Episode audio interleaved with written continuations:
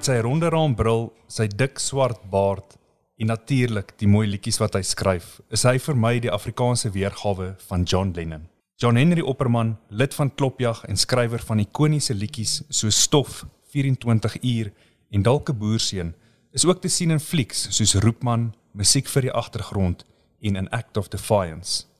John Henry het ook sy eie produksiemaatskappy en vervaardig vir kyk net die televisiereeks Kampkos waarin hy self te sien is. John Henry baie welkom op Kuns met Kontant. Baie dankie Henko vir daai um inleiding. Jo, ek is um ek's gevlei. Gelukkig kan mense nie my wange sien nou nie. Baie dankie. Buiten vir die produksiemaatskappy wat jy het, doen jy baie bemarking ook en jy het onlangs 'n boek vrygestel. Ja, die boek se naam is How to Set Your Brand on Fire en dis eintlik 'n e-boek so mense kan dit op ons webtuiste gaan aflaai uh by mediafarm.co.za. Die plaas is maar is maar in my. So so ja, dit dit help vir mense om 'n bietjie hulle hulle handelsname beter te kommunikeer en gee hulle net toerusting om by die regte mense uit te kom.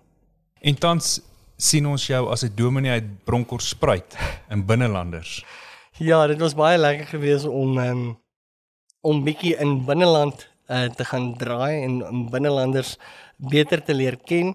Dominee Wynand is 'n uh, is 'n sagmoedige man daar uit Bronkhorstspruit uit. Um, ek wil nou nog nie te veel uit die uit die uh, mou laat nie, maar hy het 'n bietjie kom maracas maak daar in die hospitaal moet ek sê. In die vroeë 2000s was koshuiskamers gevul met klopjag CD's en ek is seker meeste van daardie CD's was uh, roofkopieë gewees. Soos ek die studente ken, hoe het julle as klopjag geld gemaak uit musiek daardie jare? Met moeite, Henko. dit was eintlik dit was so so lekker tyd gewees om in daai tyd voor voor sosiale media en voordat jy eintlik by by 'n klomp van die regte mense met wie jy wil praat, uh so maklik mee kon praat. Ehm um, was dit dit was dit was uitdagend geweest moet ek sê om 'n band te kon wees daai tyd.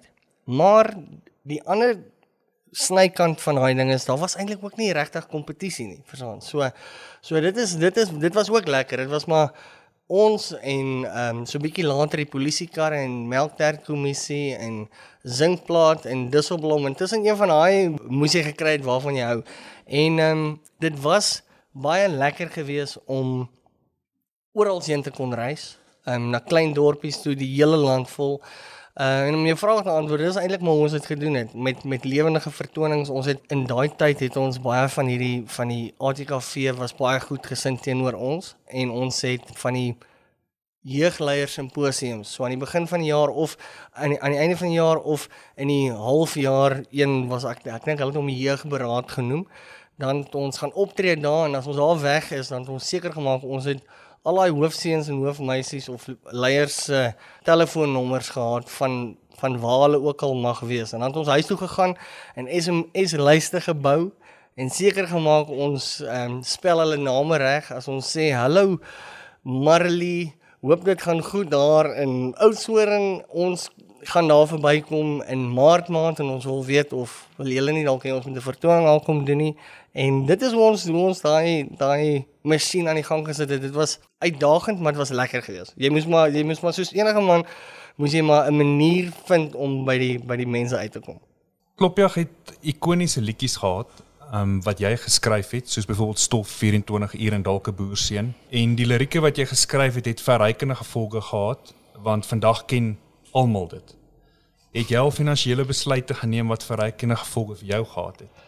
Dankie. Ek dink die beste lesse wat ek wat ek geleer het, finansiële lesse wat ek en eintlik persoonlik en besigheidslesse wat ek geleer het, het ek eintlik geleer in daai veilige omgewing wat ons vriendegroep uh, in die orkes was.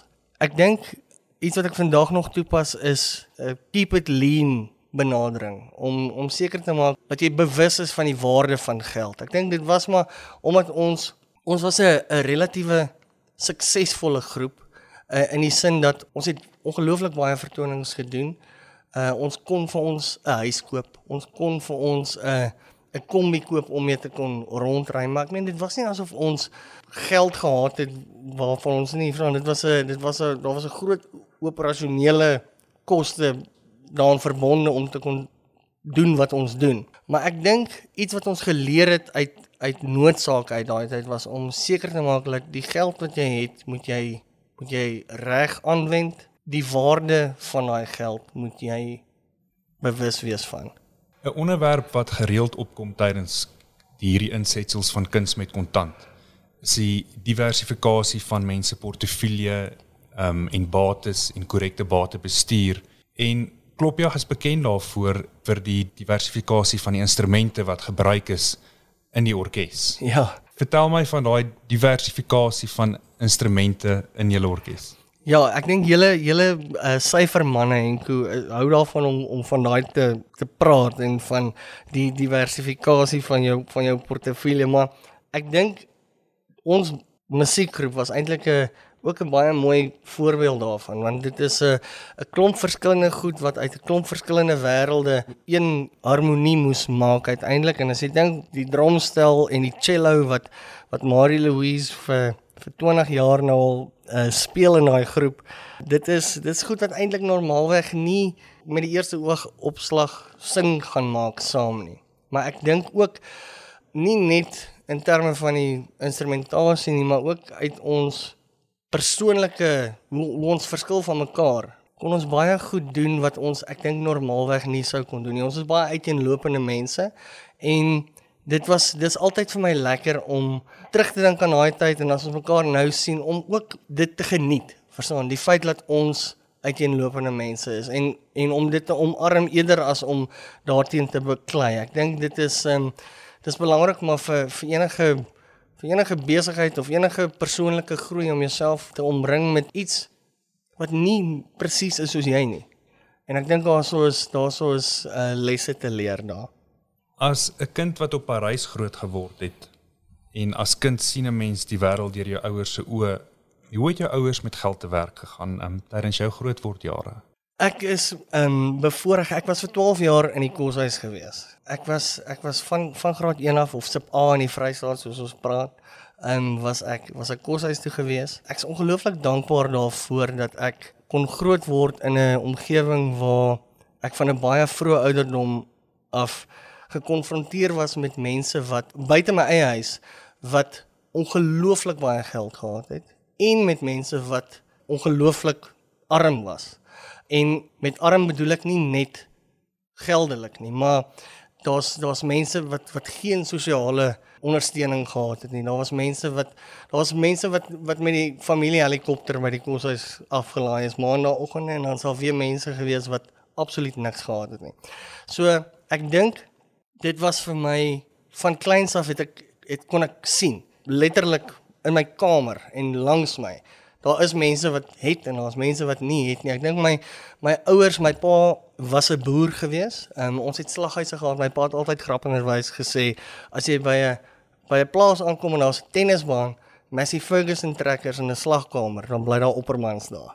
En uh, my pa was 'n was 'n 'n boer gewees. Hy was 'n was 'n ongelooflike man gewees. Ek het ek het die die grootste respek en en ek is die, ek is so dankbaar dat hy my pa kon wees. Maar hy was ook 'n hy was ook 'n een eenvoudige man in die sin van jy werk vir dit wat jy wil hê en ek dink hulle het van van jongs af my ma en my pa het beide hulle 'n entrepreneursiese vaardigheid ontwikkel van hulle kinderdae af dink ek en dit was altyd vir my lekker om om te kon sien hoe hulle hoe hulle werk met geld en hoe hulle dink oor geld en en behoede jou as jy as jy mors met iets. As jy nie die waarde van geld besef nie, dan dan dan moet jy weer al gaan moeilikheid wees. En dit wat jy by jou ouers gesien het tydens jou kinderjare, moes 'n effek gehad het op hoe jy en jou vrou Beate vandag met julle geld werk.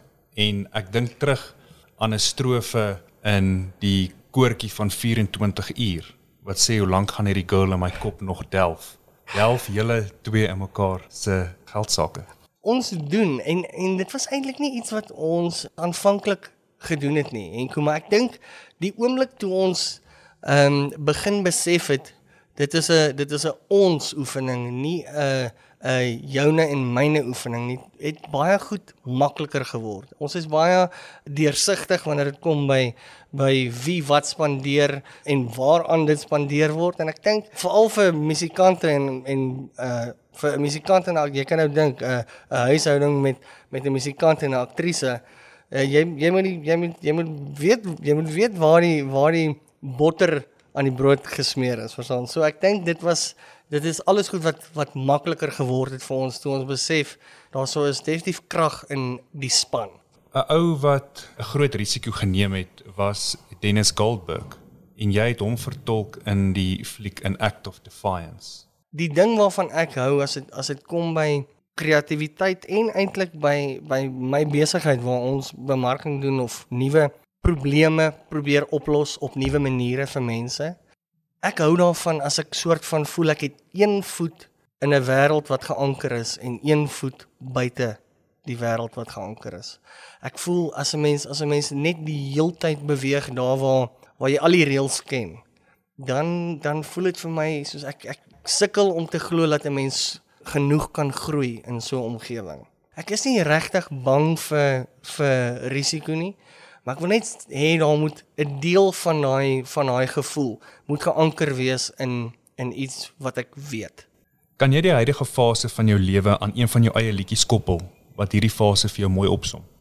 Ja, ek dink heidaglik as ons ons is soort van nog aan die begin van 'n van 'n nuwe jaar en stof, die liedjie wat ek geskryf het oor 'n uh, eerste uittog daarna die Kaap toe, uh, toe die toe die groep net aan die gang gekom het, is soort van 'n uh, feesviering van ou goed wat klaarmaak en nuwe goed wat begin so op hierdie stadium as ek moet sê, dan sal ek sê stof en koe.